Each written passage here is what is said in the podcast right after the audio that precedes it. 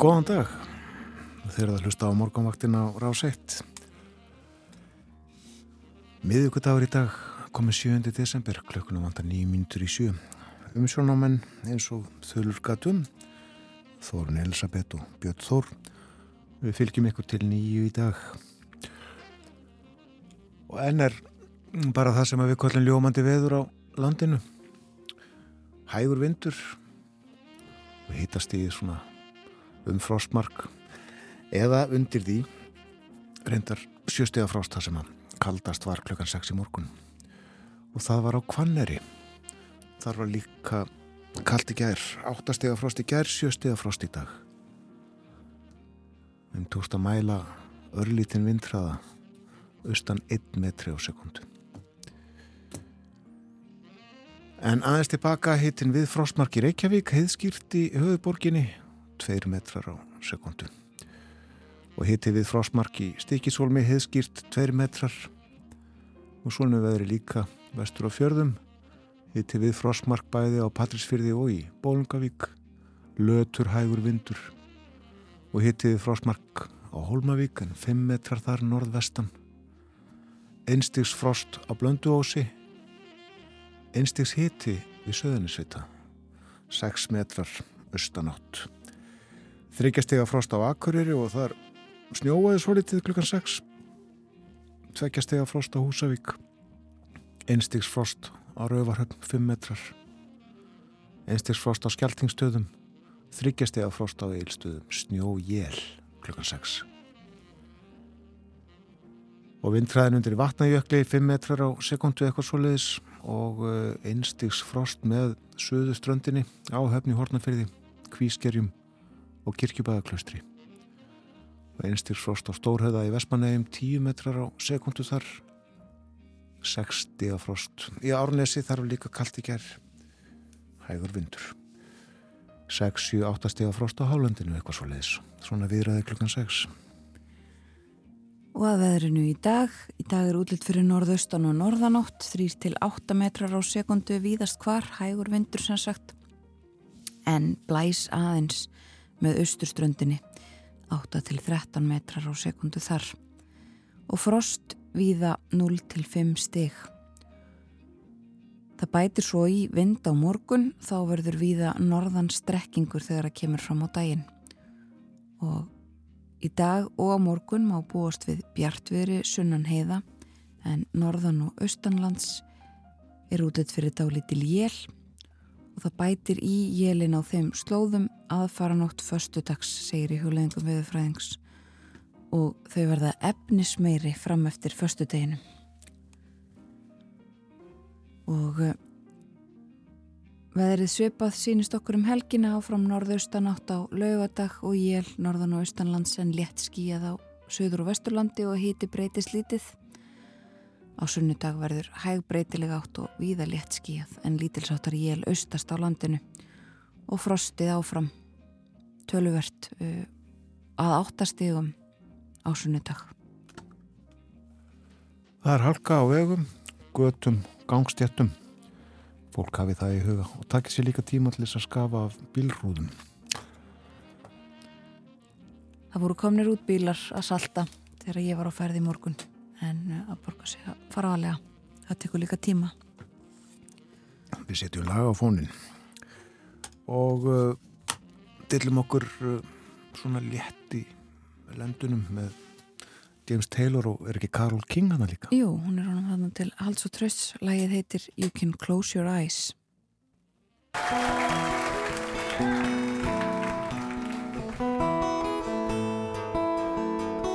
Oh, the sun is surely sinking down, but the moon is slowly rising.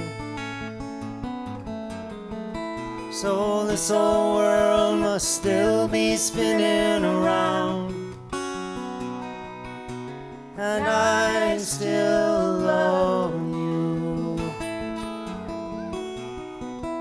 So close your eyes, but you can close your eyes, it's alright.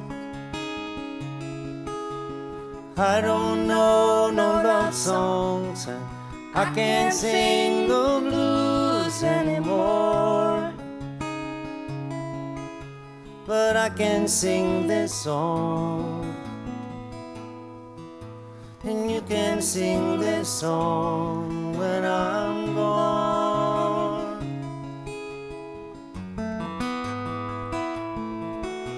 It won't be long before another day. We're gonna have a good time. And no one's gonna take that time away. You can stay as long as you like. Only close your eyes. You can close your eyes, it's alright. Cause I don't know no love songs. I can't sing the blues anymore. How about I can sing this song? And you can sing this song when I'm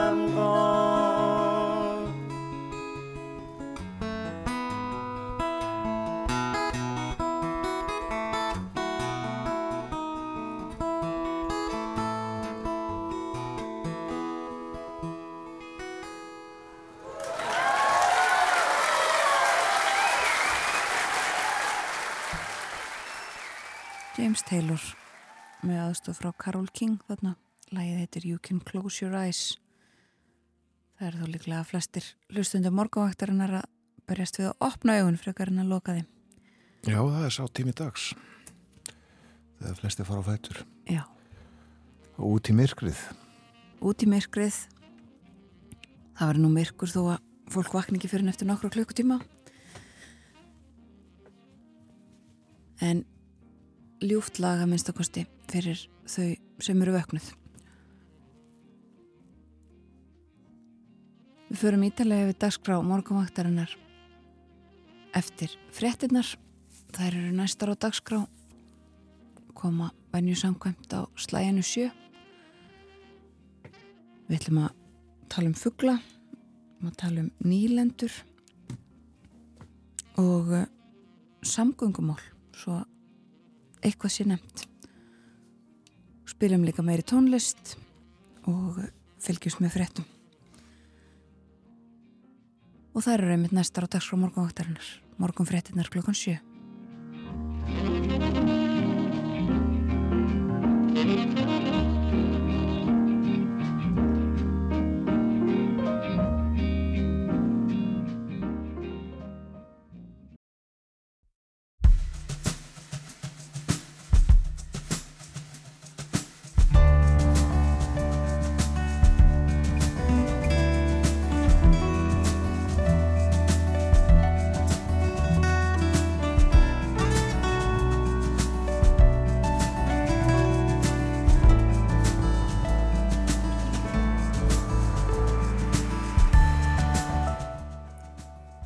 Morgunvaktin helsar og býður góðan dag. Í dag er miðvíkudagur 7. desember.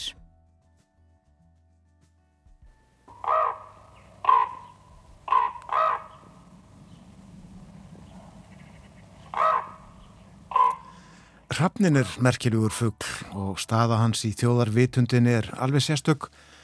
Er skjænst að minnast þess að það var fyrir tilstuðlan Raps að Flóki Vilgerðarsson rataði hinga á sín tíma. Sigurður Ægjesson, prestur á Siglufyrði og fuggla áhuga maður, hefur skrifað mikla bókum Hrafnin. Við spjöllum um Hrafna svarta og hvita, sitjandi og fljúandi, krungandi og kroppandi. Sigurður verður með okkur upp úr halv åtta. Þjóðverjar eru markvist að afum á upphafningu semdi herra sinna í þýskum nýlendum í Afriku en það samræmast óhafu verk þeirra gegn nýlendu þjóðunum illa nútíma vitund. Artur Björgum Bodlason sagði okkur frá því í Berlínarspjalli í gær. Þjóðverjar voru nýlenduherrar á sínum tíma þótt ekki væri þeir jafn stórtækir og ymsar aðrar Evrópuþjóður. Vera Ylluðadóttir stiklar í dag á stóru í nýlendusögu Þýskalands.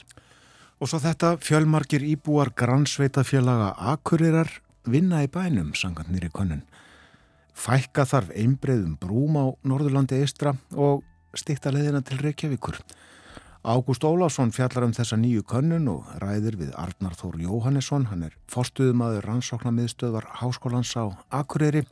Þeir setjast við hljóðnefana klukkan hálf nýju.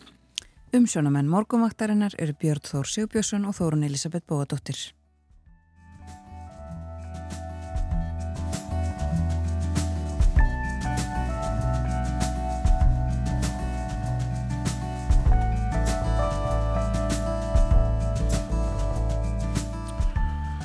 Við rennum yfir veðurhorfur dagsins en hefur við kannski að heyra fyrst smá krung aðeins meira. Já.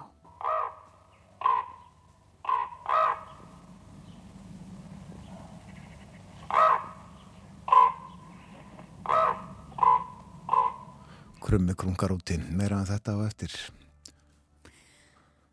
Það verður norðaustan og norðanótt á landinu í dag.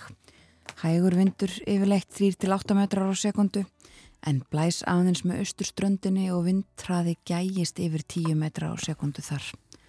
Frost viða 0-5 stegi dag og uh, á morgun bætir í vind verður viða norðan 8-15 metrar á sekundu strekkingur þegar það kemur fram á daginn. Og dálítil jél norðan og austanlands bæði í dag og á morgun en bjartviðri sunnan heiða. Það bætir svo í jélin á norður og austurlandi aðfaranótt förstudags og þau verða efnis meiri fram eftir förstudeginum, segir í hugleðingum viðfræðings. Jélin? Jélin verða efnis meiri. Það snjóar, sem sagt. Er útlitt fyrir snjókomu uh, á norður og austurlandi á töluverða og stundum verður hún í slittu formi. Þetta hitin verður svona í kringum frostmark uh, á föstudag og lögadag líka á þessum slóðum. Þá verður svo litið hlýra á norðaustur hluta landsins heldur en söðvestur hlutanum. Og uh, skeitin frá vegagerðin eru svona, söðvesturland hálka eða hálkublettir eru víða. Vesturland snjóþekja er á holtavörðu heiði en hálka eða hálkublettir eru á flestum leiðum og sama á við um vestfyrði hálka eða hálkublettir þar. Það er snjóþekja á Þverárfjalli Skagastrandarvegi Söðarkróksbraut og Siglufjörðavegi en hálka eða hálkublettir á öðrum leiðum á Norðurlandi. Og uh, það er jæljagangur víða á Norðausturlandi. Snjóþekja eða hálka á öllum leiðum. Og hálka eða hálkublettir allstaðar á Östurlandi þetta á einni við um Suðausturland hálka eða hálkublettir þar Einmitt við spáinn og ástand á vegum landsins á mótni viðugudagsins 7. desember. Við lítum í blöðin, tökum fyrst fram morgunblöðið. Forsýðu myndin tekin í Katar í gær þar sem leiki var í 16 liða úrslitum hinsmestra mótsins í knaspirnu síðustu leikirnir í 16 liða úrslitunum voru leiknir í gær og loksins fengu við nokkuð óvænt úrslit, úrslit sem ekki voru svona sangvænt bókinni og það var í leik Marokko og Spánar. Marokko hafi betur eftir vítaspilnu keppni, Spánverjar farnir heim.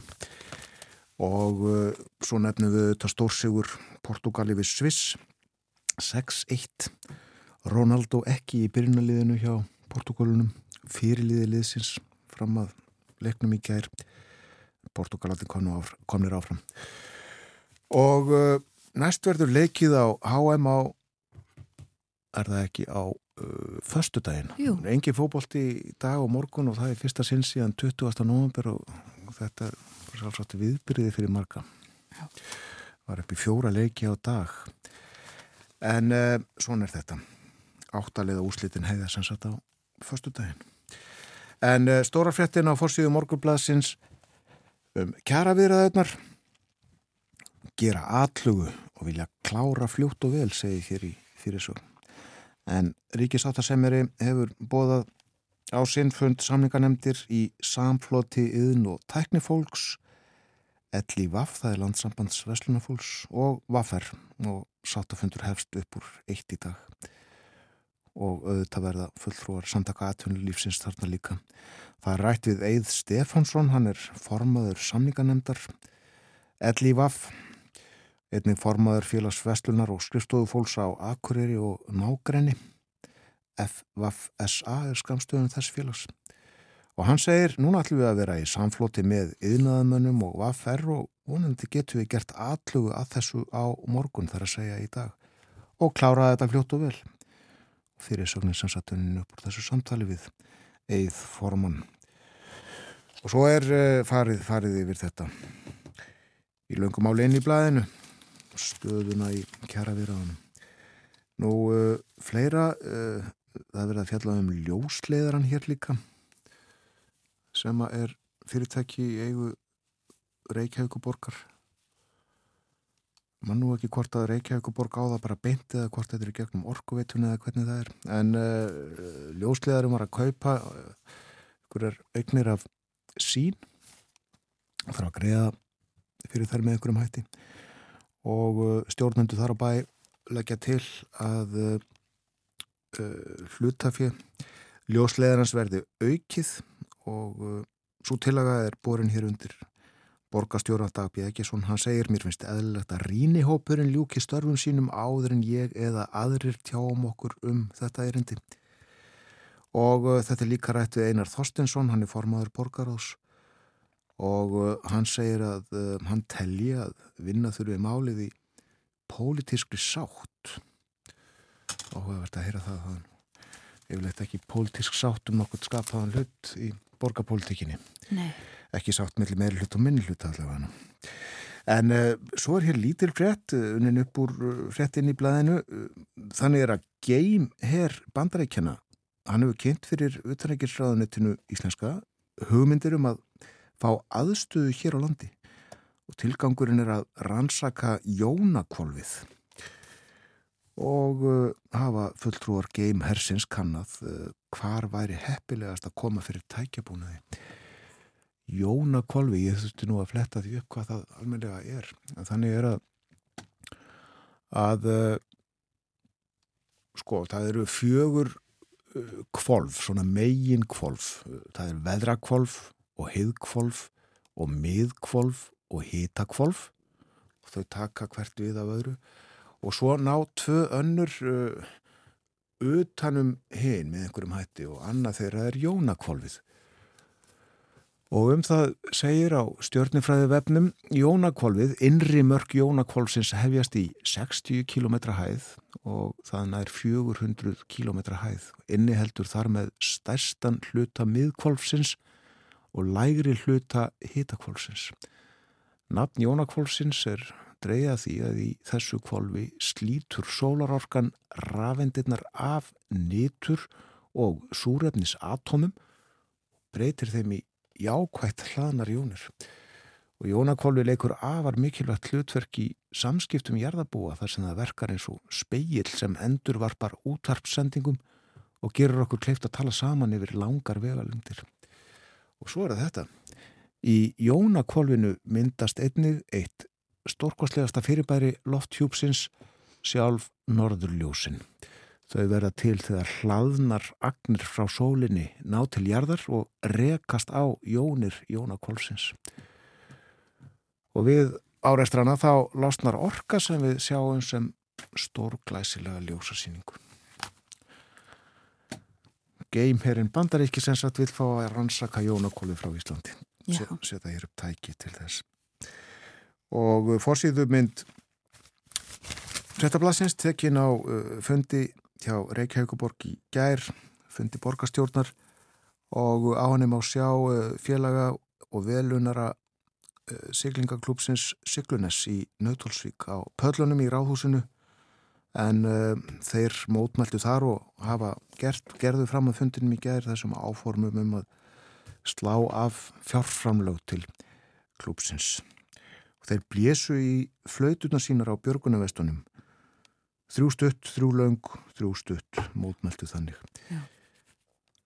og fórsýði fréttin á fréttablaðinu unnin upp úr skýslu um mat þjóðar öryggisræðs á ástandu og horfum í þjóðar öryggismálum og dreyði hér fram að það tæki fimm daga fyrir oljur hinsuna skip að koma til landsins ef stort mengunaslis verður hjá skemmtifærðarskipi á íslensku hafsvæði. Og það eru ekki til áallanir um björgun, farþega og áhafnaslíkra skipa. Það var fór sér fréttablasins. Förum þá aðeins út í heim. Uh, byrjum í Kína. Kýmversk stjórnvöld hafa uh, gert tölvera breytingar á uh, sínum uh, sóttvarna reglum, sóttvarna aðgerðum, það hefur verið slaka verulega á. Það hefur verið tilkynnt um það að nú megir til dæmis kynverjar eða fólk sem að býr í Kína uh, og greinist með COVID-19 en er með lítilega engin enginni uh, vera í sóttkvíða einangrun heima hjá sér. Uh, í stað þess að vera undir eftirliti á svona einangrun á stöðum eins og þetta hefur verið. Það var einmitt uh, rútuferð á slíka einangrunastöð þar sem að fólk var uh, flutt. Rútuferð uh, og það var á þriðja tök sem að letu lífið í bílslisi þegar að rútan lendi í bílslisi og þetta varð kveiki að mótmælum meðal annars. Og uh, þetta eru stór tíðandi vegna þess að það verði sem svo að, mótmæli fólks í Kína hafi borið þennan árangur uh, að það er verið að slaka á reglunum og meðal annars verður uh, fækkað skildu PCR-prófum umfangu tíðinni þeirra mingað. Það verður hægt að komast á milli einhverja staða án þess að hafa slík próf eða undirgangast slík próf og fleira. Og þetta eru stórar miklar fréttir og uh, svona skrefi átt að því að kýmverjar fari að lifa með faraldrinum sem er stefna sem að tekin hefur verið upp mjög víða annar staðar um, en fjallaðum þetta í fjölmjölum víða um land um heim afsakið. Og svo förum við frá Kína og komum til Danmerkur. Um, það er að hefjast í dag ráðstefna, alþjóðlega ráðstefna sem að ég verða viðkynna að mest okkosti uh, ég hafði ekki tekið eins mikið eftir og loftslagsráðstefnunum sem að e, mikið að talað um sem að eru COP ráðstefnur og COP stendur fyrir Conference of Parties. Um, og í dag hefst COP 15 ráðstefna í Montreal í Kanada. Og hún uh, er ekki um loftslagsmál heldur um náttúruna uh, líffræðilegan fjölbreytileika. Og það var sem sagt að funda um þau máli í Montreal næstu daga og nánast fram að jólum. Og búistu því og vonast til þess að það verði sem sagt eh, komist að niðurstöðu um einhvers konar eins og það er kallað Parísar samkómulag fyrir náttúruna. Og uh, þessi mál eru fórsíðu frettir á politíkan í Danmörku. Það er komið að náttúrunni að fá Parísar samkomiðlag en það verður erfitt, segir í fyrirsögn á politíkan og um, mynd og myndateksti líka á fórsíðun og informasjón í Danmörku um þessi mál sumuleiðis dagins nýheter í Svíþjóð fundurinn í Montreal eh, sem hefur mikla þýðingu. Og eh, þaðan aðeins til Bretlands frá Danmörku og Svíþjóð um, þar er mikil umfjöllun um uh, verkfallsaðgerðir stöðumála í þeim uh, einhverjir fors, sem rata á fórsvíðunar að hvetja Rissi Súnak fórsættis á þeirra til þess að já, uh, eins og það er nefnt hér í einhverju skoðunagrein að hann eigi að uh, tilenga sér aðferðir og anda eh, Margreðar Tatser og uh, vera harður við stéttarfjölug, uh, verkefliðsfjölug. Það eru uh, þessar verkfallsaðgerðir sem að áformaðar eru og nú einblýna blöðin á verkfallsaðgerðirnar í sjúkrabílum, sjúkraflutningum og fór síðan á Daily Telegraph varar eldra fólk við. Það er ólíklegt að þið fáið sjúkrabíl ef þið dettið, segir í fyrirsögninni þar uh, slík meðsli og, og eru flokkuð sem þriðja flokks mál og uh, fá líklega ekki aðtegli sjúkrabíla. Og það er um, það eru nokkru dagar síðan sagt var frá því að sumstaðar í Breitlandi þá eru það e, meir en klukkutími sem að teku fólk að fá sjúkrabíl þó að tilkynni að það sé að fá hjartaáfall. Það fer eftir svæðum í Breitlandi og þetta er þegar engar verkvælsaðgerðir eða neitt slíkt eru það er langu, langu tími. Það er mjög langu tími. Og svo er það bandarískar frettir, e, það bárust frettir af því gerðkvöldi seint að þá var fyrirtækið svona samsteipa Trumps fyrirhandi fórseta uh, sakfælt fyrir skattalagabrott, ímiskonarbrott, fjármálaglæpi. Trump var ekki meðal sakbortinga en þetta þykir samt slæmt mál fyrir hann en það uh, hans, hans samsteipa ímiskonar fjármála misferðli. Þetta var eitt af þessum stóru málum gegn honum í New York ríki og svo að lokum þá eru úrslitin ljós í þessum öldungadildakostningum, aukakostningum í, í Georgíu. Og það var uh, demokratin Rafael Warnock sem að hafi betur og það þýðir að republikanar uh, hafa ekki jafn uh, marga þingmenn. Og demokrata. Demokrater fá 51 þingmann í öldungadildinni meiri hluta, þurfa ekki að leita til varafórsetans til þess að koma ymsu í gegn og sumulegðist þurfa ekki að reyða sig eins mikið á tvo svona uh, ólátabelgi í þeirra rauðum fólk sem ekki hefur fyllt, fyllt flokkslínunni og, og verið þeim uh, mjög erfiðir. Fólk bara með sjálfstæða skoðanir. Já, útrúlegt en satt. Mm. Nefnitt. Aftur hérna mókanum, uh, skemmtileg fréttin í blæðinu þá að fara að reysa, reysa byggingu í sundahöfni eða þar við uh, milli Holtakarða, Veslunumiðstöðurinnar þar og Kleppspítala uh, bygging sem á að vera 26.000 fermetrar að stærð. Og uh, í henni eiga að vera höfustöðvar löggæslu og viðbræðs aðila á höfuborgarsæðinu þarna að vera landhelgiskeslan lauruglan á höfuborgarsæðinu, neðalínan ríkislauruglustjóri, tollgæslan landsbjörg og slökkvilið höfuborgarsæðisins skrifstúr þess þar að segja. Og uh, þessi bygging uh, hún hefur fengið skamstöðunna HVH sem að uh, stendur fyrir uh, byrju nú við fyrir hvað stendur þetta eiginlega? Höfustöðalöggeslu og viðbráðs aðila á höfuborgarsvæðinu HVH og uh, akkur dregið þetta fram, jú vegna þess að uh, það hefur verið byrta á sjálfu evróska efnaðarsvæðinu auglýsing um forval á arkitektahönnun þessar byggingar. Og uh, fyrirsögnun á frettinni er hver vill teikna 20 miljardar hús? Þetta er rúglega margir til í það. Já, ég hugsa það nú. Mm.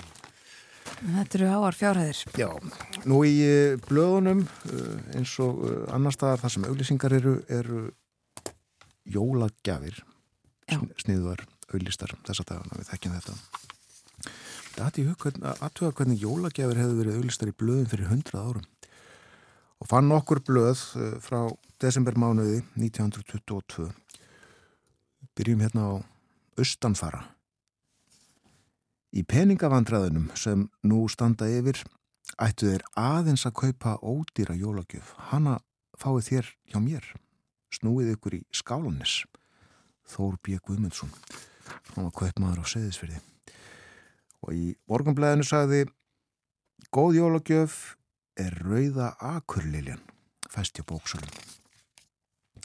Í verkamanninu var auglist Lítill hefilbekkur, kærkomin jólagjöf, laghendum dreng er til sölu. Góðar jólagjafir eru barómett og kíkirar fást í köpfélagi verkamanna. Og hér er auglisingur vísi Það gerir ekkert til þóttir vitið ekki hvað, hvað þér eigið að gefa í jólagjöf. Segið okkur hvað hún má kosta og við útbúum fyrir yfir jólapakka með ýmsu góðgeti sem að kemur sér svo vel. Kemur sér svo vel að gefandi og þykjandi lifa gleðileg jól og svona auðlisti Liverpool. Og barnaleikfeng voru auglist eh, barnaleikfeng og ímsa snotra, þarflega og eigulega muni henduga til að gefa í jólokjöf er lang ódýrast að kaupa í verslun Helga Sóeka.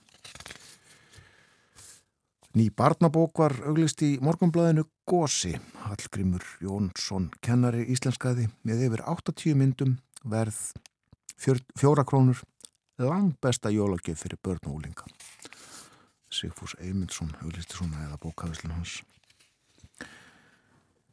Jólagjöf Viktoria Saumavél er eins og allra besta jólagjöf sem hægt er að gefa. Og hún fæst í fólkanum. Og svo er hér einn Rakvél er góð jólagjöf handa kallmanni. Golftreyja er ágætt jólagjöf handa kvennmanni. En óturskins húa er einhver besta jólagjöfun handa hverjum sem er. Þetta fæst í Hamburg. Og að lokum, þetta er úr morgumblæðinu, Rámaksopnar nýkomnir, sérlega vandaðir og smekklegir útlits, vermætt og gagleg jólagjöf. Július Björnsson, Hafnastræti. Kanski einhverjur hafi fengið hugmyndir að gjöfum með þennan lestur. Lestur á jólagjafa auðlýsingum úr dagblöðunum frá því fyrir hundra árum. En framöndan eru auglýsingar dagsins í dag, svo fréttaðeflið, það kemur á slæginu á lota. Eftir það förum við svolítið við dagskrá þáttarins það sem er framöndan. Já, við ætlum að tala líka um uh, rafnin minnum á það.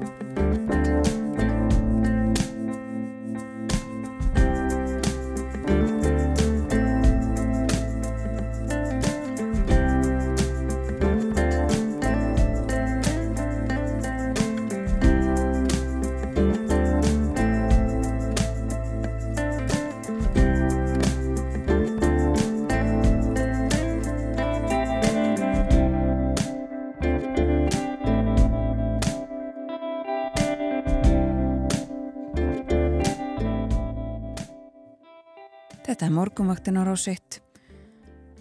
Klukkan liðlega hálf átta, það er meðvöggudagur í dag, 7. desember. Og lítum til veðurs. Norðaustan og norðan 3-8 metrar á sekundu en 8-13 með austurströndinni. Og víða verður norðan, verða norðan 8-15 metrar á sekundu á morgun og bæði í dag og á morgun dálítil jél norðan og austanlands en bjart viðri sunnan heiða. Frost 0 til 8 stig og uh, það heldur svo áfram að snjóa svo lítið á uh, norður og austurlandi. Það er áfram ágættisviður í kortunum, kallt en uh, hægur vindur viðast hvar. Hér á eftir þá kemur vera ílluðadóttir til okkar. Hún ætlar að segja okkur frá uh, nýlendusögu Þýskalands. Við rættum aðeins komum inn á þetta í gæri spjalli við Artúr Björgvin Bodlason í Berlín er verið að breyta götuheitum og nöfnum og torkum uh, fjarlæga nöfn uh, nýlendu herrana og uh, við ákvaðum að fá veru til okkar til þess að segja okkur frá nýlendu tíma Þýskalands. Hún verið með okkur eftir morgunfréttinar klukkan átta og svo upp úr klukkan halv nýju sest Arnar Þór Jóhannesson förstuðum að rannsóknarmiðstöðar Háskólans á Akureyri hjá Ágústi Ólafsinni fréttamanni. Fyrir norðan þeir ætla að ræða um uh, könnun sem að gerð var á vinnu og viðhorfum til samgöngumóla í eigafyrði meirum það á eftir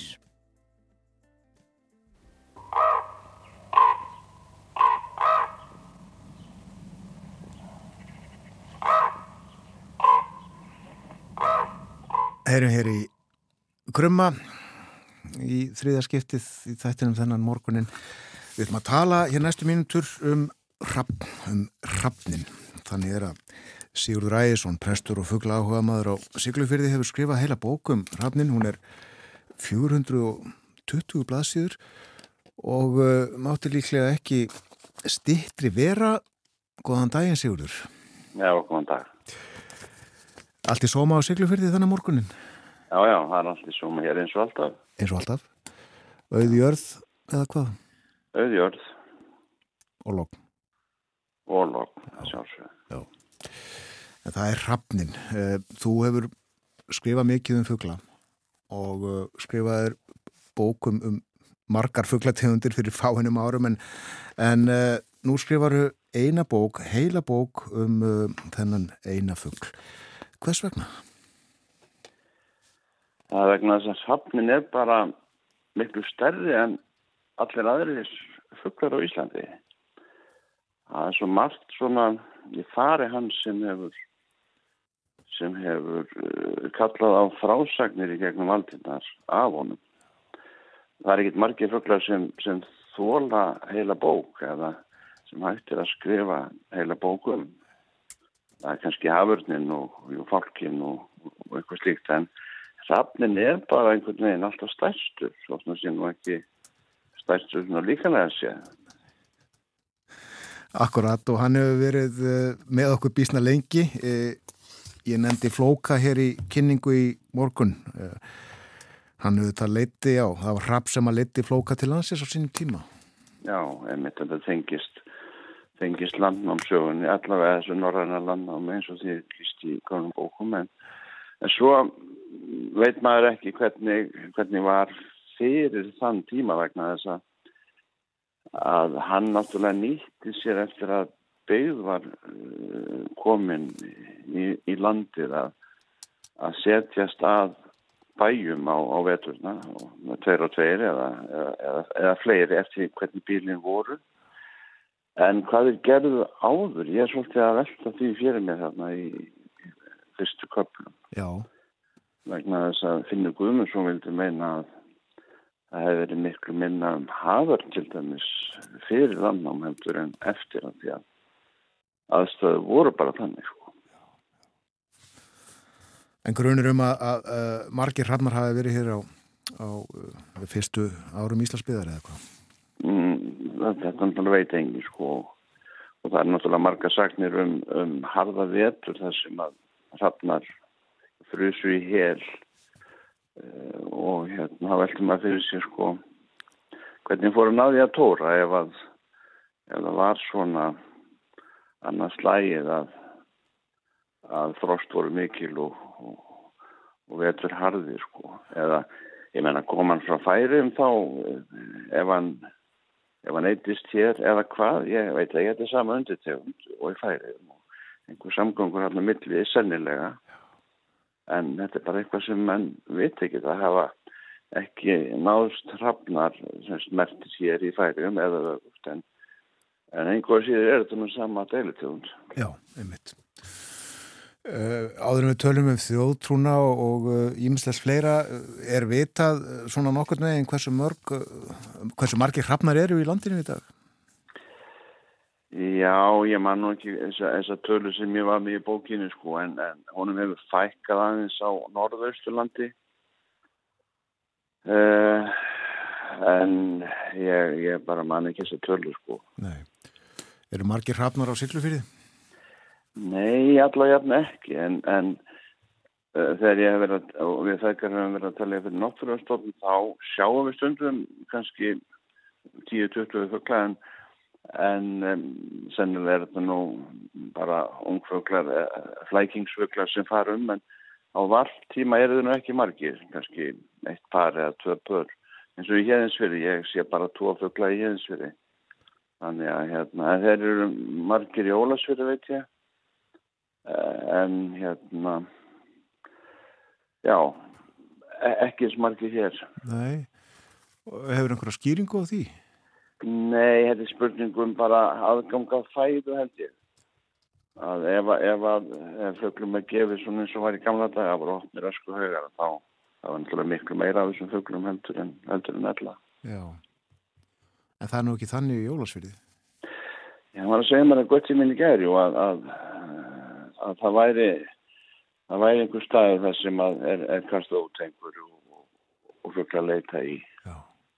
mann og ekki hvað það er. Nei, það er einmitt það. En uh, já, þjóðtrúin, hrannin á alveg, alveg svona sérstakann stað í, í okkar sögu og, og margt sem er bundi við hann. Hvað svona, þetta er fyrst í hug þegar ég segi hrann og þjóðtrú? Já, það er náttúrulega allar þessar sögur sem svo sagði sem eru, sem eru af honum sko og hafa, hafa fest í huga, huga fólk sko, og, og hjarta sko.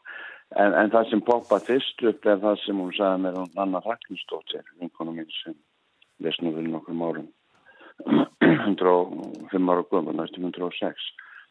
Hún sagði mér frá sögu og fljótum í skaga, það sýnir bara hvað þessi fuggla klár að bondið þar hafði fengið síldartunnu frá syklufeyðinu að þráa síld og ætlaði að lefa hestum sínum að, að njóta þessi eða vildu og setja hann út á, út á tún en, en hann sá aldrei neina hest að leita í tunnuna. En svo þegar hann fór að skoða þá hafði nú minkað í henni samt. Þannig að hann fór að fylgjast með og það kemur fram, tekur síld leggur hana í læk þarna rétt hjá og uh, útvatnar hana og kemur nokkur um tímu setna og, og borðar hana. Já. Þetta sýnir bara hvað þetta er hvað, hvað þetta er einstaklega skarpu kugl. Ljón klár bara. Ljón klár, já, já. Og Ísindin er náttúrulega búin að uppgötu þetta og segja sko þetta sé með allra klárustu bara dýrum jarðar. Já. En afstæða okkar til hans er uh, alls konar við í minst elskumann eða, ég segi nú ekki hötum, en er svona fyrir að kreila við hann. Jú, jú, það er náttúrulega sko, ég held að ástæðan sé svo að þegar menn fóru að, að huga að æðavarpi hér fyrir ekkert svo langur síðan sko, þá, þá náttúrulega var þann fljótt óvinnur æðabænda því að hann, hann stjálur sér ekkjum á vorin og, og svona sko Já. og svo náttúrulega í, í hérna söðburði á vorin þá fara ofta á honum ófagra sögur, það er bara þannig en eh, einhvern veginn kemst hann í gegnum þessa síur sko, hann, við elskum hann samt einhvern veginn, það er svolítið skrítið. Af því að hann er svo þessi, þessi mannlegu taktar hans eru svo, svo margir sko við einhvern veginn við samsömmum okkur svo, svo við hann að mörguleiti og ímislegt uh, höfu við sko og notum sem að tengist uh, nafni fuggsins að tala um hrafnaþing og hrafnaspark til dæmis. Já, já ég tek einmitt, mér listað einmitt yfir það hvað hann hefur fest í, í, í málinu. Já, alls konar hrafna eitthvað. Já. Og sjálf sér eru hvítir hrafnar Já, já, en þeir sjást nú samt. Allavega svona mis, miskvítir það er margar margar heimildur um það bæði hér og, og erlendis frá þannig að það vantar vantar litarefni í, í fjæðirnar Já, hefur þú séð hvítan hrafn? Nei, ég hef ekki séð hvítan hrafn, ég hef séð hvítan fossagauk það er svo einu svona sem ég manni í svipin en, en þetta er með flestum fugglategundum hætti ég já, akkurat. Að þetta kom upp. En það er nú farið yfir það í bókinni eins og svo margt annað sko að hrafnar er ekki bara annarkvort hvítir eða svartir, þeir eru líka ýmislegt þar á milli. Já, ég það er mjög svolítið milli og, og þeir voru að sjást og hafa verið að sjást um land allt og, og, og líka fyrir á öldum sko. og gott ef að uh, ég segi ekki frá því að sást í skafið hvítur hafnir á tímum Guðbrandi biskups og hann vildi láta hann á honum en það tókst nú ekki Nei, sá hefur sennilega verið bara mikið hvítur fyrst hann er sagður sagður hvítur. Já. Já. Ég held að er Björn og Skars og hafi skrifað um þetta eitthvað 1605 eða, eitthvað slikt. Akkurat. Og mörg örnefni höfu við sem að, að, að bera orðið hrapp með einhverjum hætti og, og þurfum við ekki aðeins að tala um Raffn Sveinbjarnarsson allir hann hefur verið fyrst í hrappnin eða sem sagt maðurinn sem að bar þetta nafn á landinu? Ég, það veit náttúrulega enginn sko en hann er, hann er með þeim þekktari allavega en varðandi önnefni þá, þá komur óvart að þau skildu vera svona mörg tegnd hrappninum ég, ég er náttúrulega hefði þessar uppsingar frá árnastofnun en nafni.is og og fiska þetta það. En þá kemur ljós að önnefni tengd safninum er eitthvað á, á 700 en tengd hafverninum ekki nefn eitthvað á 350 já, já. og þá er ég ekki árið að tala um orðmyndinu, ég er ekki að tala um tala um dreifinguna til dæmis. Rafnabjörg sko er náttúrulega bara einn orðmyndin og Rafnabjörg getur verið á 100 stöðum á Íslandi sko. En hann einhvern veginn hefur vinningi hefur vinningin þarna líka. Sem er sem er aldrei merkild því að ég hafði og í bókinu sem skrifaði 2020 og letið því sketið að það væri örnin sem að sem að uh, væri með flest önnefni og föglum á Íslandi. En, en sennilega bara hefur enginn skoðað þetta sko þannig að þannig að hérna, en það er krummi. Og leiðriðtist það hér með og leiðrist segir með því og hefur bara eh, vinningi með ja, umtalsverðin yfirbyrðum. Já, akkurat. Svo nú mikið verið sungið um, um rafnin og, og orti á. Já, já. Og við sem erum orðin aðeins eldri heldur en svimur aðri, við hérna munum eftir Rannvei og Krumma og já. sem að hérna sló nú í gegn hér á sínum tíma. Já. Hmm. Og rafnin flýgur? Og hrafniflíkur, já. já, já. Hrafseyri auðvitað þekkir hvert mannspann á landinu? Já, já. Já, já, já. Er uh, hrafnið þinn uppáhalsfugl, Sigurður? Hann er orðin það núna, já. Áður fyrir var það auðvitað en eh, hann er svo lítið á siglufili þannig að það hefur nú dopnað svolítið en, en hrafnin er eiginlega búin að Eh, bara taka alla aðtöklu vinna og ég held að hann, ég slepp ekki undan honum eftir þetta, ég held ekki. Hann er þínar ær og kýr. Já, já, ég fer á hverjum deginni eða svona, já, nokkur teginn á hverjum deginni eins og, og gefa honum og ef því parið sem er þar, ég get ekki gefið hlöfnum hér á Siglufjörða því að að tölvörstum máva og þeir eru þá komni strax og heyrðu það sem að sem ég sem ég ber út fyrir hafnana en ég hefðins fyrir þeirra döðruvísi að þeir eru meira við sjáaströndina eða í fjörunni. Já. og ef maður gefur þarna inn við inn við hérna það sem göngin, göngin eru sko þá þá er engin máur þar á ferð á, á vettuna Nei.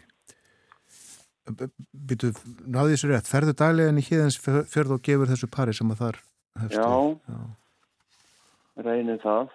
Hvað gefur þið? Ég, ég gef þeim bara allt mögulegt sko og eh, stundum þegar að já ekki tanna þá kaup ég bara ekki að bakka og, og fer með hann inn eftir og hann endist eflust í 1-3 dagar sko þannig að ég sérstaklega ef ég veit að ég, ég kemst ekki daginn eftir þá, þá gef ég honum egg og, og hérna en svo þegar að frjósa, frista þá er ég að finna eitthvað annað sem að hendar húnu betur, hvort sem það er brauð eða, smurt brauð eða, eða, eða eitthvað annað. Já.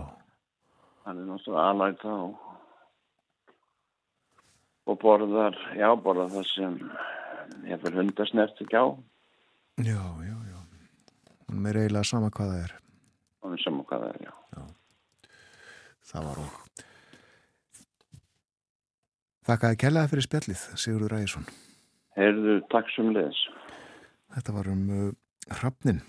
Þjóðin, sagan, þjóðtrúin, titillin á þessari bók, uh, rúmlega 400 blaðsína, Sigurðar Ægissonar, um uh, þennan fuggl, merkilega fuggl, og að heyra aðeins krungið aftur, finnst það svo vinalegt.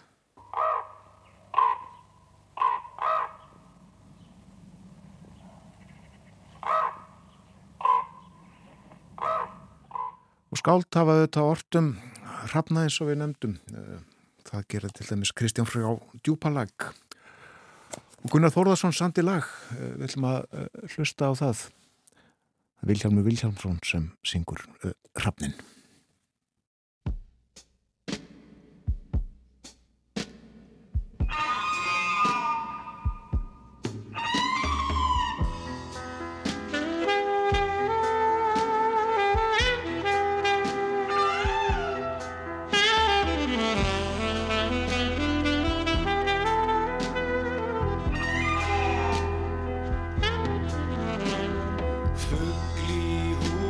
flýgur flytur hann illa spá.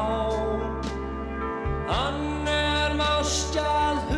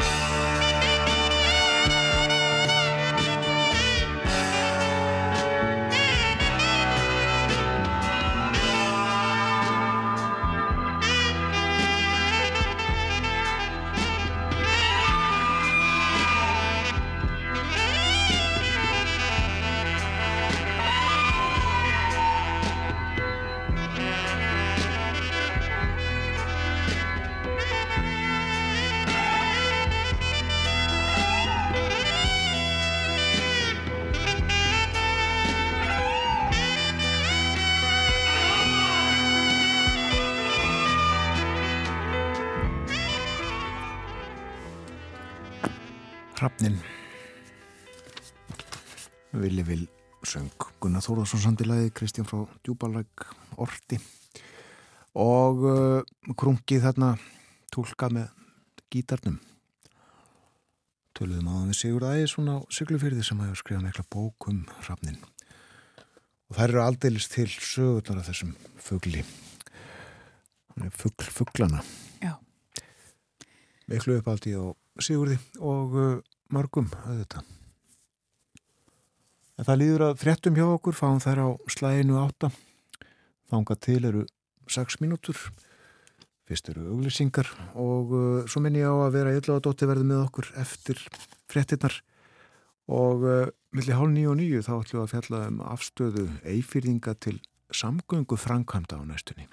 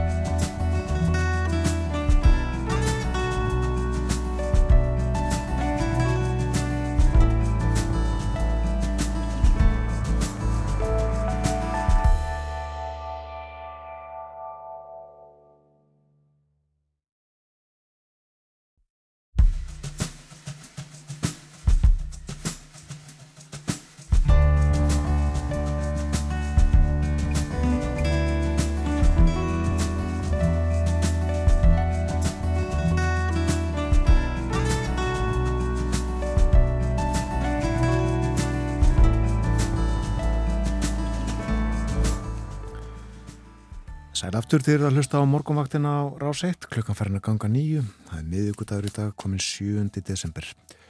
Kolniða myrkur úti og uh, kjörskilir þið fyrir rafnin auðvitað. Kólsvartur líka yfirleitt nema þessir einstöku kvítu sem uh, sjást annars lagið og hafa sérst í gegnum árin og aldirnar. Við töluðum um rafnin áðan við Sigurð Ægisson prest og fuggla áhuga mann á seglufyrði en hefur skrifað mikla bók um þennan fuggl, aðal fugglin að hans mati. Og hann fer daglega inn í híðinsfjörð gefur hrafnapari sem að þar hefst við. Því er ekkert að gefa hrafnunum á seglufyrði því að máarnir eru yfirleitt fyrr til í ætið. Við töluðum um uh, Hrafnin vítt og breytt og nokkra tiltekna hrafna. Krummin hennar rannvegar var nefndur, rannveg og krummi. Fólk mann eftir þeim og uh, okkur bast ábending. Krummin sá, hann uh, býr núna á þjóðminnisatninu og þetta er okkur þá í huga tilvaliðir fyrir fólk að taka barnaböndin á þjóðminnisatnið og sínunum krummaðina rannvegar og segja, sögur, segja, segja krokkunum sögur, sögur af honum. Þetta var nú hrafna, uh, merkileg frétt frá Þýskalandi, fréttatímanum hér áðan. Já, uh, fréttir af handtökum uh, á þriðatugmanna sem hafði alltaf að ráðast inn í þingúsið í Berlín en voru handteknir hægri öfgasamtaka við höfum rætt þessi samtök Artur Björgum Bóllarsson hefur sagt okkur frá þessum, þessum hópi og uh, heyrum væntanlega frekari frettir af þessu eftir því sem að líður á daginn. Já, það er viðbúið. Artur Björgum var meitt með okkur í gær uh, þriðudag og uh, meðal þess að maður sað okkur frá þá var að þjóðverðar eru núna að breyta nöfnum á götum og torgum þeir eru að gefa nöfnum og torkum ný nöfn uh, þar að segja þeim sem að bera nöfn manna sem að uh, voru fulltrúar Þýskalands í nýlendum ríkisins í gamla daga. Og þóttu mikli garpar á sínum tíma og þótti ástæða til þess að upphefja þá með því að nefna eftir þeim götur, torg eða annað. En nú hefur sagan verið endurskoðuð og okkur auðvitað ljóst eins og var svo sem þá að uh, þetta voru verstu menn má segja og fóru aðskaplega illa með nýlendu þjóðirnar í Afríku. En okkur langaði að heyra þess meira um uh, nýlendur ríki Þýskaland á sínum tíma átt í Þýskaland margar nýlendur. Vera Ellaðadóttir kynnti sér það og allra segja okkur frá hér næstu mínutur. Góðan dag vera. Góðan daginn. Voru þetta mörglönd sem að Þýskaland reyði í Afríku? Uh, þetta voru nokkrar nýlendur uh, hingað og þangað um álfuna sem að þjóðverjar áttu þegar svona nýlendu veldi þeirra reys uh, sem hæst Þíska Suðvestur Afrika, Þíska Östur Afrika, nýlendur í, í vestanverðir Afriku og sömuleiðis í, í landsvæði í Kirrahafi, Kirrahafs eigjar nokkrar En eh, svona í nýlendu sögunni heldur við litið eh, voru þjóðverjar ekki meðal svona aðsópsmestu þjóða frekar smávægilegt eh, nýlendu veldi með að við, með að við löndi í Evrópu eins og, og Breitland og, og, og Frakland. Þjóðverjar lögðu líka svona nokkuð senkt af stað í þessu ja, kapplaupi Evrópu þjóðana um nýlendur í, í Afríku og Asíu.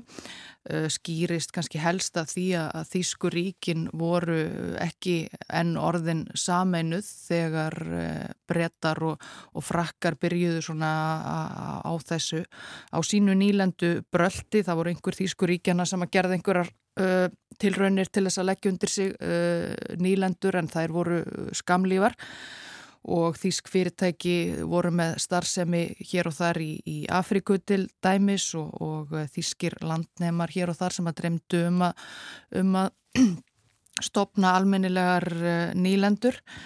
En eftir að Þýskuríkin saminuðust eh, upp úr 1870 þá hafði sömu leiðis uh, kanslari uh, Otto von Bismarck fyrstu árin ekki mikinn áhuga því að nema meira land utan hins eiginlega Þískalands þá voru komnar uppi upprattir í Þískalandi um að, um að þjóðverjar eruðu að leggja undir sig einhver, einhver lönd í, uh, kannski helst til þess að vera Evrópu þjóð meðal Evrópu þjóða en Bismarck var uh, ekki hrifin að þessu uh, lengi vel. En uh, svona upp úr, um og upp úr 1880 þá voru þessar rattir orðnar mjög, mjög háværar innan, innan Þískalands. Þíski landnemar voru að koma sér fyrir hér og þar meðal annars á, á, á Kirrahafs-eigum, á Tonga, á Samoa-eigum, á, á Nýju Gíneu, Marsjál-eigum og svo framvegs og eh, síðan svona upp úr 1884 eh, einnig í, í Afríku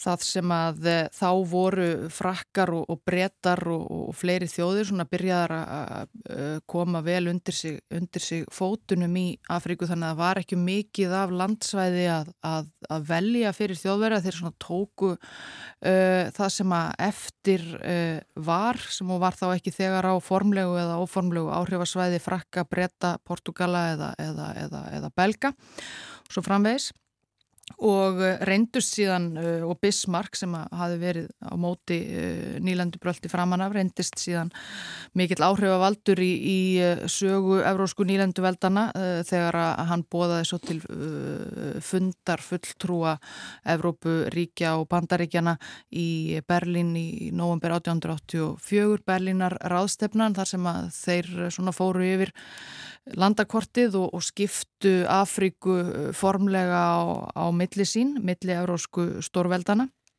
og uh, svona á, á skömmum tíma upp úr, upp úr því þá lögðu þjóðverðar undir sig og svona stopnuðu formlegar nýlendur uh, uh, Þísku Östur Afríku uh, þar sem að nú er Rúanda Búrundi og, og meginland Tansaníu Þíska Suðvestur Afrika sem við þekkjum í dag sem uh, Namibíu, Þíska Kamerún sem er, var öllu stærra landsvæði en Afrikuríkið Kamerún í dag, einnig hluti af, af, af grannríkjum uh, þess.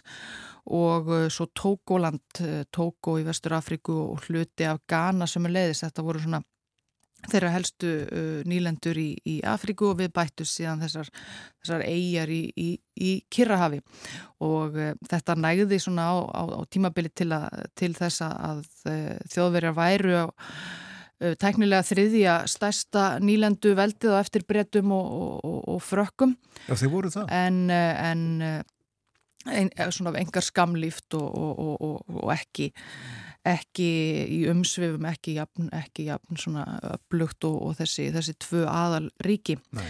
En þjóðverjar svona lögðu undir sig þessi svæði á svona hinn hefbundna hátt, uh, byrtust út uh, í Afríku með þíska hermenn og aðra útsendara, neittu eða, eða göppuðu innlenda höfðingja til þess að skrifa undir fáránlega samninga sem þeir líklega ekki skildu um að afsala lönd sín þjóðverjum eða, eða þískum fyrirtækjum kiftu landsvæði á, á smánarlegu verði og, og sömulegis bara beittu hreinlega hervaldi.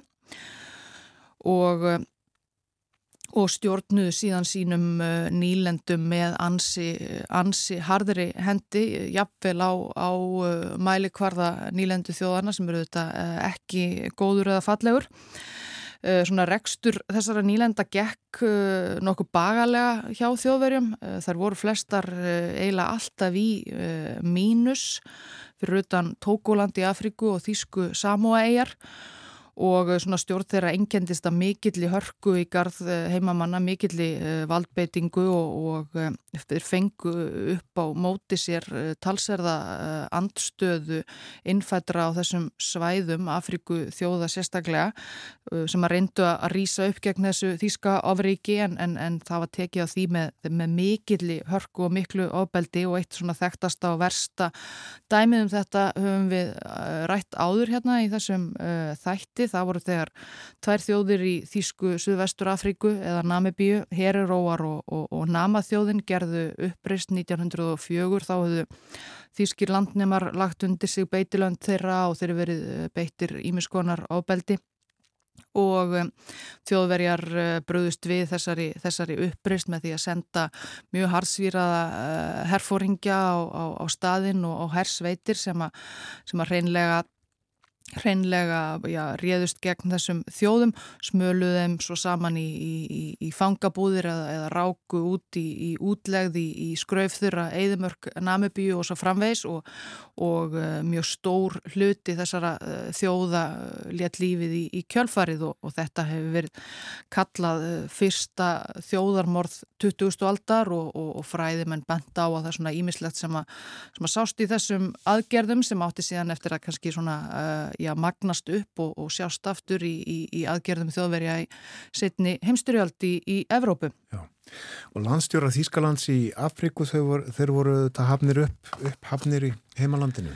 Já, þeim mitt uh, herfóringin uh, Lothar von Tróta sem að fór fyrir, fyrir þessum aðgerðum í, í Namibíu þótti, þótti mikil hetja heima fyrir allavega af, af, af, af svona vissum hluta þjóðverja þó að öðrum hafi jáfnvel blöskrað á sínum tíma aðfarinnar og það var önnur uppreysni í Tansaníu uh, 1905-07 þar sem að einnig einnig var tekið mjög hart á, á innfættum og, og uh, hundruður þúsunda léttust vegna aðgerða þjóðverja eða úr hungri og, og sjúkdómum í, í kjölfarið. Og svona smátt og smátt á urðu nýlendurnar frekar óvinnsælar meðal almennra þjóðverja vegna þess að þær, þær eh, ráku sig ítla og það voru, eh, það var, voru stöðugar hernaðar, aðgerðir og blóðsúrtellingar og, og, svo, og svo framvegist þannig að svona upp úr 1907 þá, þá eh, ákváðu Þísk stjórnvöld að taka nýlendustefnuna í gegn og þá var dreyið úr já, til dæmis já, já, þrælkun og nauðungarvinnu sem að, sem að einfættir voru látnir sæta líkamlegum uh, refsingum og svo, og svo framvegis og svona tekin upp aðeins mannúðarlegri uh, stjórnarhættir og nýlendurnar þeim, þeim fór þá að ganga talsvert uh, betur. En þetta varð heldur ekki, ekki langlýft að því að síðan uh, brestur á fyrri heimstyrjöld og bandamenn þar, ofinnir þjóðverja ákváðu mjög fljótt að ráðast gegn nýlendum þjóðverja og, og, og lögðu þær undir sig og síðan eftir að, eftir að þjóðverjar við ósigur í, í, í styrjöldinni þá var nýlendu veldi þeirra já, búta niður og, og því var skipt á milli sigur vegara í stríðinu brettar og frakkar skiptu með sér Þíska Kamerún, belgar fengu Rúanda og Búrundi, brettar fengu Tansaníu, Suður Afríka sem að þá var nýlega farin að standa á eigin fótum, fekk Suðvestur Afríku eða Namibíu. Japan mikið af, af, af Kirrahafseginum og svo framvegs og þess, þessu var svona skipt niður og tískum landnemum að í hverju nýlendu var, var gert að uh, heipja sig á brott, halda til síns uh, heima. Þannig að svona, svona í mörgum þessara gömlu nýlenda þá hefur svona þessi þíska saga sem að varaði ekki, ekki nema í, í örfa og áratví svona dálítið glemst uh, má segja að fleiri þekki Rúanda og, og Búrundi sem gamla belgiska nýlendu og svo, og svo framvegis þannig að þetta var svona var þurr, þurkuð út þessi, þessi þýsku áhrif nokkuð, nokkuð fljótt Já. Og þjóður er smátt og smátt að gera þetta upp? Já, það hefur til dæmis já, smátt og smátt sannarlega e, eftir eftir eh, fyrir heimstyrjöld og svo eftir þá setniðu þetta lítil stemming fyrir uh, nýlendubröldi í, í eh, Þískalandi en þeir hafa verið kannski dálítið lengi að gera upp sína sögu lengur en, en uh, með setni heimstyrjöldina uh, fulltrúar til dæmis Heriró á nama þjóðarinnar í, í Namibíu hafa áratugum saman reynda krefjast uh, já, fyrirgefningar, skadabóta og þess að, að þjóðverjar axli ábyrð á því sem þeir segja að sé, sé þjóðarmord hvert þeirra þjóðum og það hefur tekið eh, mikið karp og, og, og, og mikið tíma en það var uh, núna í fyrra sem að, sem að uh, Þísk stjórnvöld báðust formlega afsökunar á þessum uh, aðgerðum í, í Namibíu sem sé 1904 og upp úr, upp úr því Já. en en uh, Nambíumenn sumleðis einnig, einnig reynd að sækja skadabætur og fleira sem hefur, hefur gengið, gengið erfiðlega. Já, þannig að það þau eru að bjóðast afsökunar en, en því fylgdi ekkert annað en bara svona tákrænt. Eh, ekki, ekki mm. almennilega, nei. Takk fyrir að koma til okkar og segja okkur frá uh, nýlendu tíma Þískalands sem að stundum eða oft glemist vera eitthvað cutting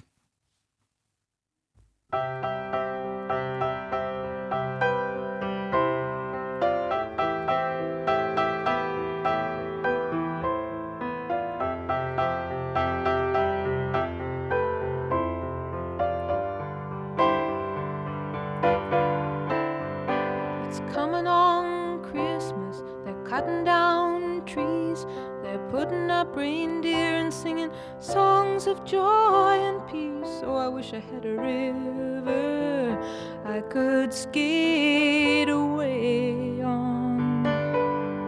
But it don't snow here, it stays pretty green. I'm gonna make a lot of money, then I'm gonna quit this crazy scene. I wish I had a river I could skate away on. Wish I had a river so long I would teach my feet to fly.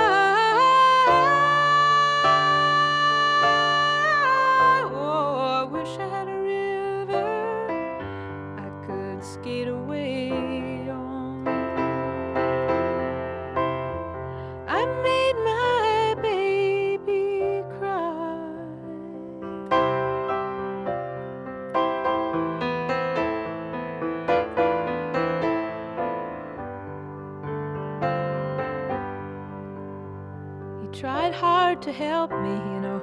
He put me at ease, and he loved me so. Naughty made me weak in the knees. Oh, I wish I had a river I could skate away on. I'm so hard to handle. I'm selfish and I'm sad. Now I gone and lost the best baby that I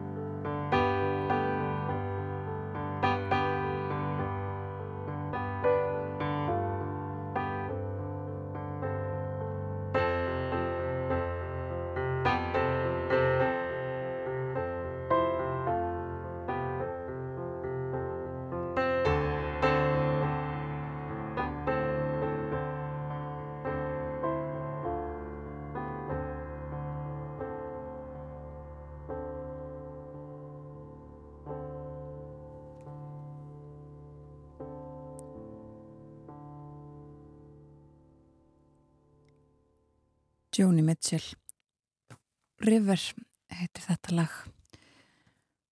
Svona það sem að hún komst næst í held ég að gera jólalag. Það er minnst þarna á að það sé að koma jól. Þó að lagið fjalli nú ekki um það Nei. eða þau. Og uh, hún fór á píónónu svona í átt að nokkrum jólulögum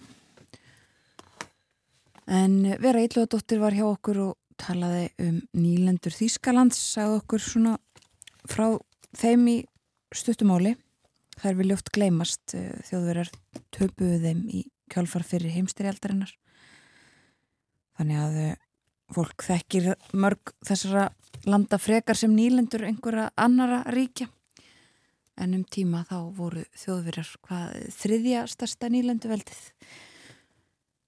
En það er komið að frétta yfirleiti fyrst auglýsingum og uh, svo verður Ágúst Ólafsson fréttamaður á Akureyri með okkur. Hann fær góðan gest í hljóðverð þar.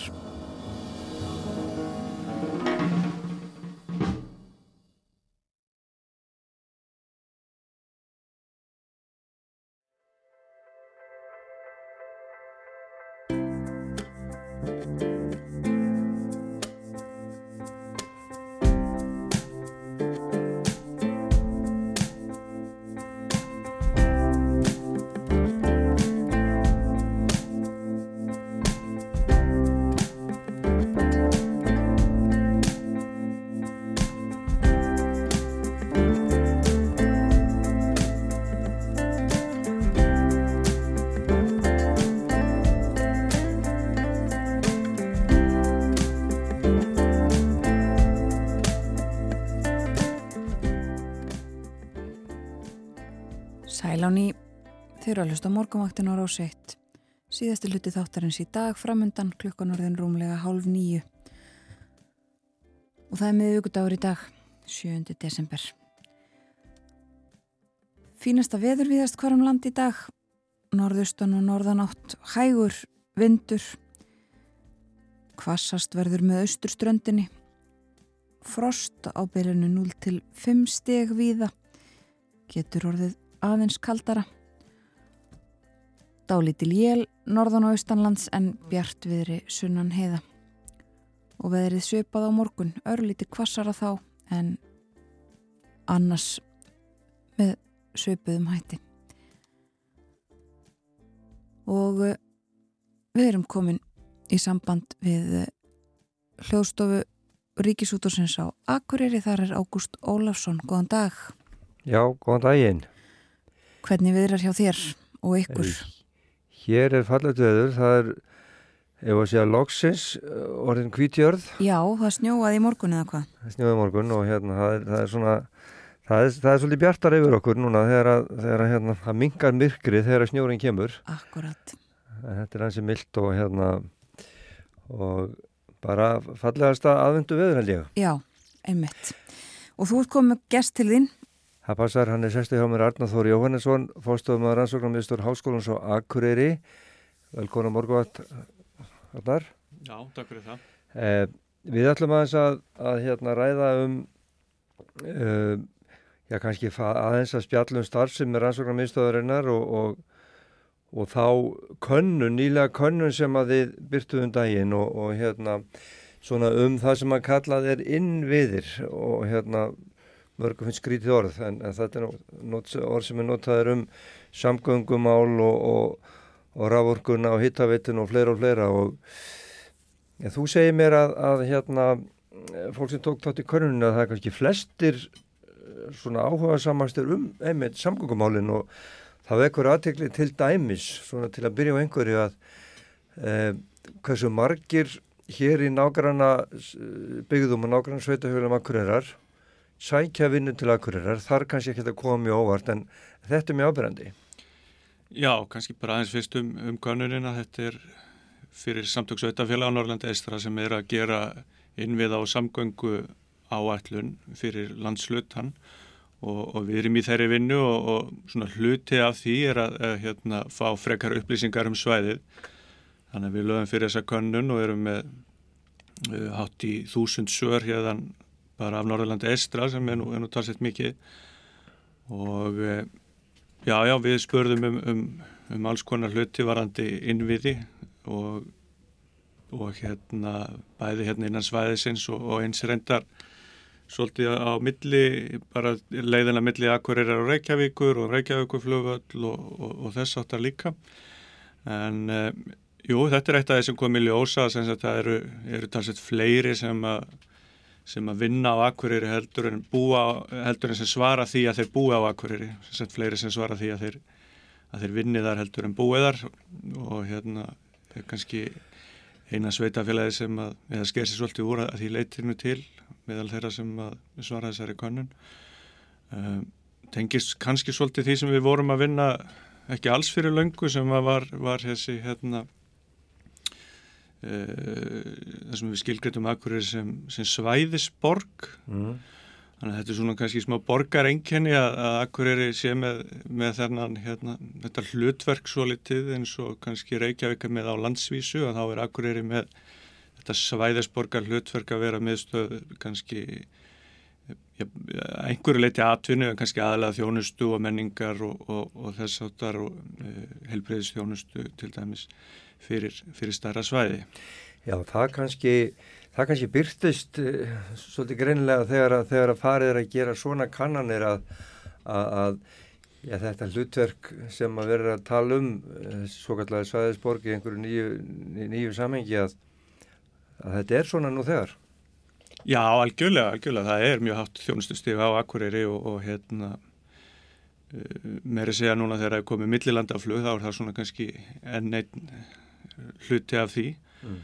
um, ég held að hérna, við sjáum þetta mjög greinilega með til dæmis hérna, helbriðstjónustu þetta er sum þjónusta sem getur bara verið einum stað á landinu sem er það sérhæft það við, hún verður aldrei á tveimur stöðum en hérna hugmyndin er svolítið að getur það allavegna kannski verið á tveimur stöðum eins og til dæmis gáttir inn í landi geti á verið á tveimu til þrem stöðum á landinu í staðin fyrir bara einum stað mm. og hérna einhver sér helbriðistjónasna geti kannski verið á tveimu stöðum frekar en einum og þá bæti það búsettu skilir ekki bara á akkurir heldur í miklu, miklu starra samhengi þá uh, að fólk fyrir þá ekki að ferðast jafn langt til að sækja, sækja þjónustu eða bara menningaviðbörði eða ímislegt mm.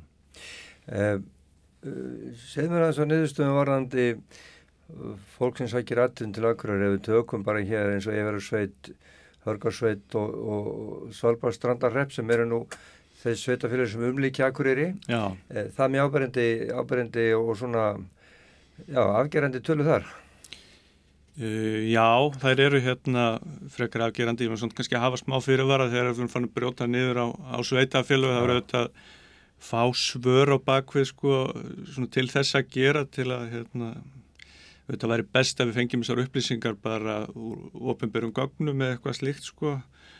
En jújú, jú, meir en helmingurinn samkvæmt þessu bæði í, í Hörgársveit og, og Eigafjörðarsveit sækir þá vinnu til, til Akkurir að það er minna samkvæmt þessu í, í Solbaslandarheppi um, kannski eh, tengist það því að kjarnafæði er þar með mikla starfsemi og ímislegt annað. En eh, en auðvitað er til dæmis hörgálpið bara komin mjög nálagt talsett mikil byggð mjög nálagt bæjarmörkunum á, á Akureyri. Já. og svona líkur kannski beinast við að, að, að mjög margir þar sæki aðtunni til akkurirar minnst nú bara, bara svona mjög líklegt svona logist Það er nú óljós, óljós skilin hvar þegar maður horfur á þessu nýju mjög mikil uppbyggingu hörgursveit og hún er öll þarna á þessu svo kringum þetta sem kallaði Lónsbakki og, og, og þar og, og það er náttúrulega kannski ekki skörp skil á milli akkurat bæjar eins og þessa nýja þorp sem þarna er að myndast. Nei, nei, alls ekki ja. og er ekki að uh, hérna, stíga hérna á milli og, og, og hérna, auðvelda aðgengi sko, hann er að hérna, uh, Jói Hörgarbið og, Akkurir eru orðið sama atvinnusvæð og hefur kannski verið það í einhvern, einhvern tíma. En í þessari könnuna þá, þú, þú segir mér að, að hérna, samgöngurnar stóðut aldrei upp úr, eins og fólk hafi svona mestan áhuga og kannski bara mestu skoðun á, á samgöngum. Það er kannski minna sem að fólk er að velta fyrir sér heitavatninu og rammagninu og þess áttar. Það, það eru samgönguna sem að, sem að fólk er með eftir huga. Já, við spurðum fólk bara hvaða innvið er það sem er mikilvægast að, að hérna, endur bæta á, á næstu árum á, á öllu svæðinu og það eru þetta áhugavert að skoða hvernig það skiptist eftir í hverðu býrð sko. Mm. Afstæða fólks hérna tekur þetta alltaf með af því sjáum það í þessari konun og, og jú, við verum alltaf að nota vegakerfið meðan e, jú, við verum að nota ramagnir líka og heitavatni og kaldavatni en, en ég heldur gefið mér kannski ekki jafn mikið gaum og, og, og vegakerfinu svona dagstæðilega en það sem að flestir nefndu var að fækka einbreiðanbrúm það eru, eru mjög margar einbreiðabrýr í þessum landsluta eins og eins og í öðrum sósum mm. Uh, ég held að sé yfir 81 breyðabrýr á Norðurlandi eistra og, og hérna sérstaklega var þetta áberindi eins og í, í Suðuþingaðsíslu þar sem við erum með eins og einn breyðabrú þarna við Goðafoss og, og eins yfir Skjálfandaflót í, í kynninni og, og svona dalti, dalti svona um, fjölfarnir vegir og brýr sem eru ennþá einn breyðar sem að brenna þá kannski eðli málsins angveit svolítið mikið á, á fólki sem býr þar mm. Eh, en það er líka bara marga einbriðabrýr eins og hérna í, í eigaferði og, og, og eiginlega hætti um, um allt svæðið. Eh, það var líka margi sem að tölu bara um að laga þessa hættulegu staði í vegakerfinu sem er kannski bara tengt þessu og leggja bundi slítlaga á malarvegi. Það var sérstaklega ábyrjandi í, í þingæðarsíslónum báðum. Og e, svo var var hérna að gera jarðgöng kom svolítið, svolítið á eftir þessu. En það er til dæmis 90% í fjallabið sem að, sem að nefna það en það er ekki, ekki svo mikið nefnt annar staðar. Þannig að hérna kemur kannski ekki á, ekki á óvart en hérna ágætt að fá það framsamt að það er auðvitað það sem að brennur lang langa heitast á íbúum fjallabiðar samkvæmt þessu og, og, og það er náttúrulega í báðar áttir þá væntanlega sko bæðir til Ólasfjörðar og, og Nýskagafjörð svo, svo voru það að spurja um, um styttinguna til, til Reykjavíkur. Það kemur kannski ekki óvart að fólk vilji stytta leiðir á þeirri löngu leið en, en e, það er svona áhersla á, á svona daldu umdelda leið sem að það, það byrtir sko Já Við spurðum um svona hinnar á þessar eh, mögulegu styttingar sem eru þá, eru nú, ekki bara styttingar, heldur líka bara eins og Guðmundur Öksnundal segði eða eitthvað slikt sem er þá meira, sem er ekki stytting þá heldur, heldur meira bara svona til að halda leiðinni jafnar eða oftar og opinni. En það sem að flestir töldu brínt að gera þar var þessi styttingu blandós sem er þessi svo kallega húnavalla leið þá sem einhver 15 km tveir þriðju töldu það töldu það mikilvægt og uh, það var kannski sérstaklega hérna á Akureyri og í nánasta uh, og hérna í bæjónum hérna í kring og en eins líka í Bóra Húsavík nefndu þetta uh, mjög mikið líka mm. en En ímislegt fleira var náttúrulega nefnt líka, það er, hérna, er stýttingar í skafafyrði og það var að tala um kvalfjöragöng og, og sundabraut en, en svona þetta hlaut svona mestan hljómgrunn að, að fara í þessa stýttingu við, við blöndu og þetta er auðvitað mál sem að hefur verið rætt svona af og til eh, síðustu ára týjun eiginlega held ég. Og eh, en hefur ekkert sérstaklega mikið verið þá í umræðinni svona allra síðustu árin. Nei. en uh, þetta er greinilega eitthvað sem að, sem að fólk er að uh, er að spá í Og fólk veit millandaflug, það er alveg klart.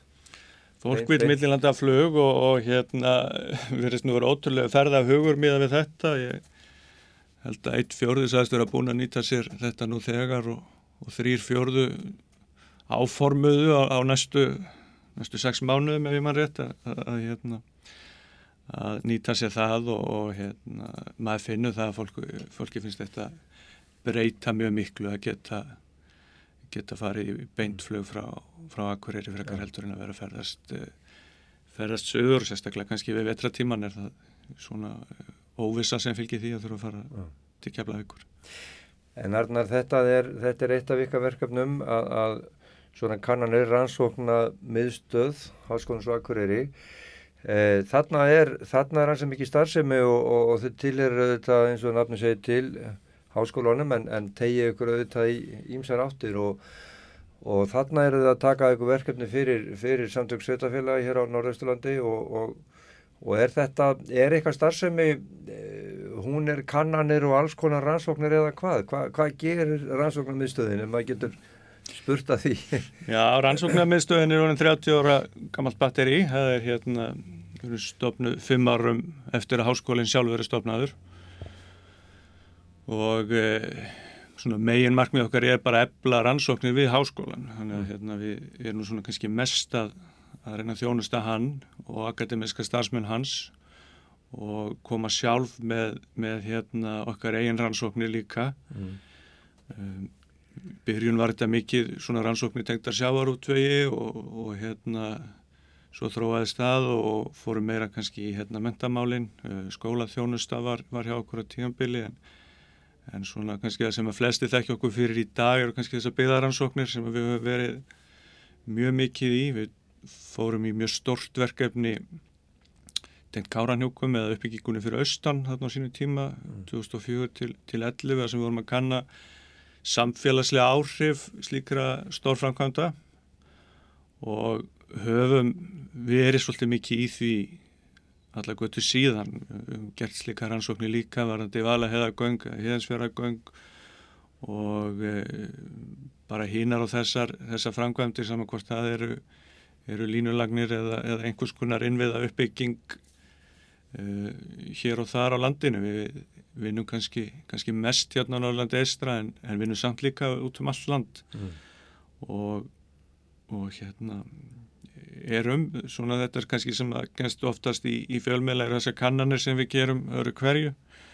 Uh, kannski með kannanir til þess að til þrissa sinnum á, á ári sem að við e, notum þá sem svona fóður inn í einhverju rannsóknir sem við gerum eða, eða fyrir aðra sem eru, er að sinna sína rannsóknum og hérna það er svona hluti af þessu um, þetta er svona að vinna með tölulega gögn en við gerum hitt líka svona viðtalsrannsóknir og, og rýni hópa rannsóknir og, og hérna rýna einhver, einhver fyrirleikandi gögn sko.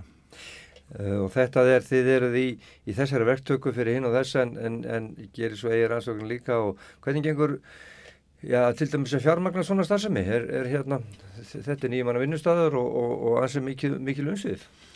Já, það hefur bara svona gengið bærilega í gegnum tíðina, við erum ekki semst á fjárlögum eða, eða með, með hérna, við rekum okkur bara fyrir sjálfsafla fyrir, Mm. þannig að hérna, það hefur, hefur gengið bara bærilega í gegnum tíðina og verkefnastaðan eh, er góð núna, við hérna, erum að skila af okkur stórmum verkefnum og hérna, ímislegt í pípónum, Eh, það er bara lítill hluti af því sem við gerum í raun sem er byrtur ofinberlega Já. yfirleitt skilum við bara okkar vinnu til, til verkkaup hans og, og svo ímist ímist skilum við þá þeirri skýslu á, á heimasíðan okkar eða ekki sko, það er svona allur, allur gangur á því svona eftir kannski hvers eðlist það er Já. en oft erum við líka bara með, með þá hérna, hluta af rannsókn annara sko akademísku starfsmæður getur beðið okkur um að sinna bara ákveðnum verkþætti, til dæmis gagnasöfnun eða, eða eitthvað slíkt sko. En hérna, já, en já, við erum, við erum nýjum manna vinnustæður, sjö í augnablikinu, þeir í, þeir í fæðingarólafi, en, en hérna, en við erum svona, höfum verið þetta átta til, til tíu manns svona í gegnum, gegnum tíðina. Arnar Þór Jóhannesson, fórstöðum að rannsóknum í Stöður Háskólans og Akkurir, takk fyrir komin á, á morgunvakt og, og það verður gaman að fylgjast með hvað kemur næstrákur, þessi, við vorum fjallum þessu stóru nettkörni sem var að gera núna og um, um innviði. Það verður spennand að sjá hvað kemur, kemur frá okkur næst. Takk hjálpa fyrir komin á morgunvakt og þá hérna hverðu hérna norðan og, og skiptum yfir til kollegana hinum meðan landinum, þángar viljum við styrta leiðir. Akkurat, takk fyrir þetta Ágúst Ólarsson og Arnar Þór Jóhannesson rættu þarna um þessa könnun á eh, við þorfum og ímsu alls konar málum. Könnun gerð meðal íbúa og Norðurlandi Eistra og eh, skulum hlusta á lag. Heyrum Helga Björns syngja um það að fara á landrúver frá Mývatni á Kópasker.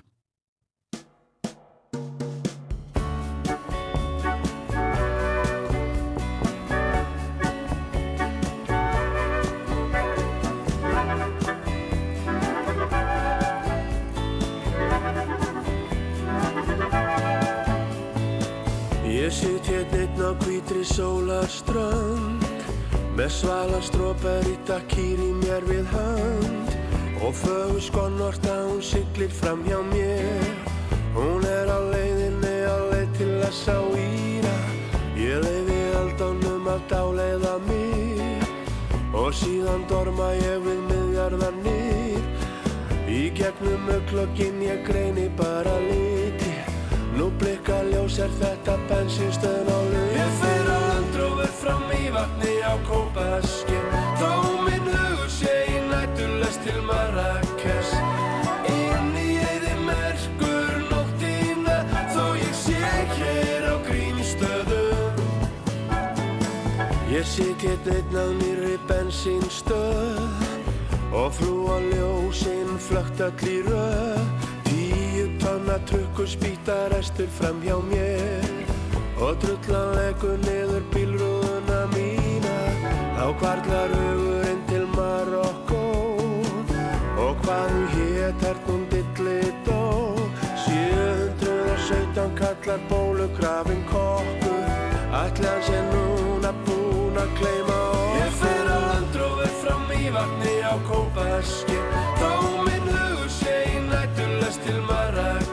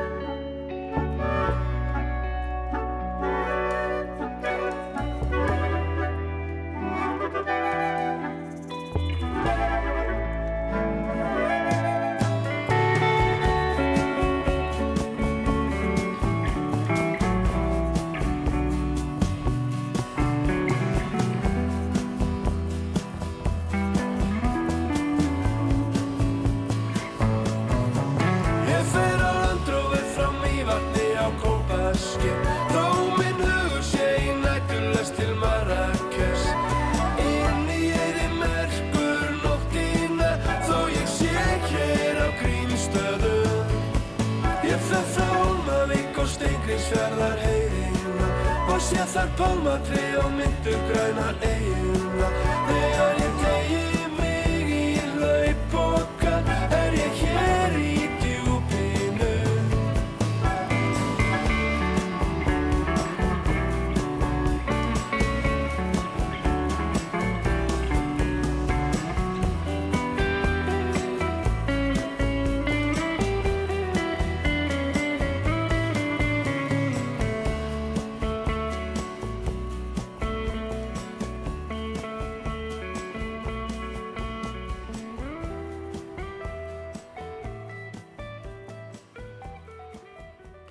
Helgi Björns á ferðalagi. Fyrir á landróver frá Mývatni á Kópaskir.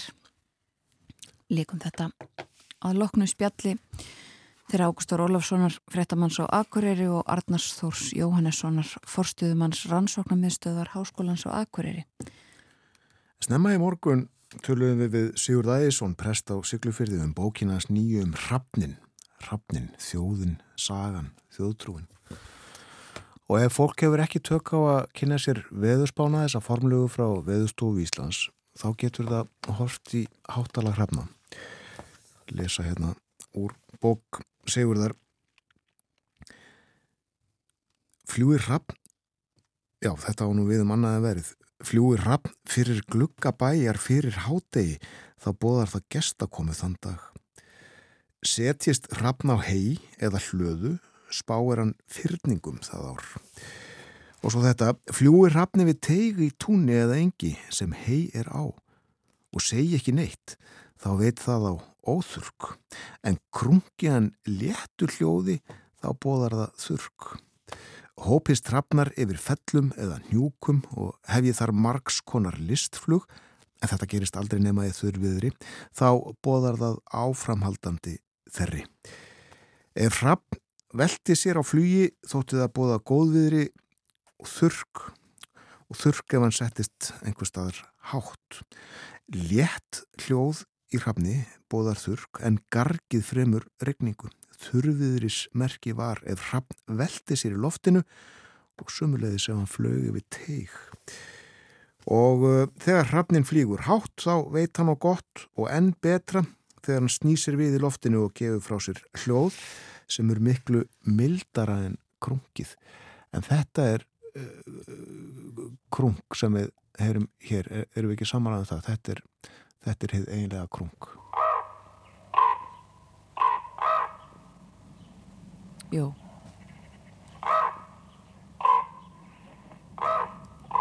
Fremur mild samt. mild grung, já, það er rétt. En morgunvaktinni er lokið þennan miðugudags morgun. Við þakkum samfélgina í dag. Verðum aftur á okkar staði fyrramálið morgunvaktin alla verka daga hefst klukkan tímindur í sjö. Njótiði dagsins. Verðið sæl.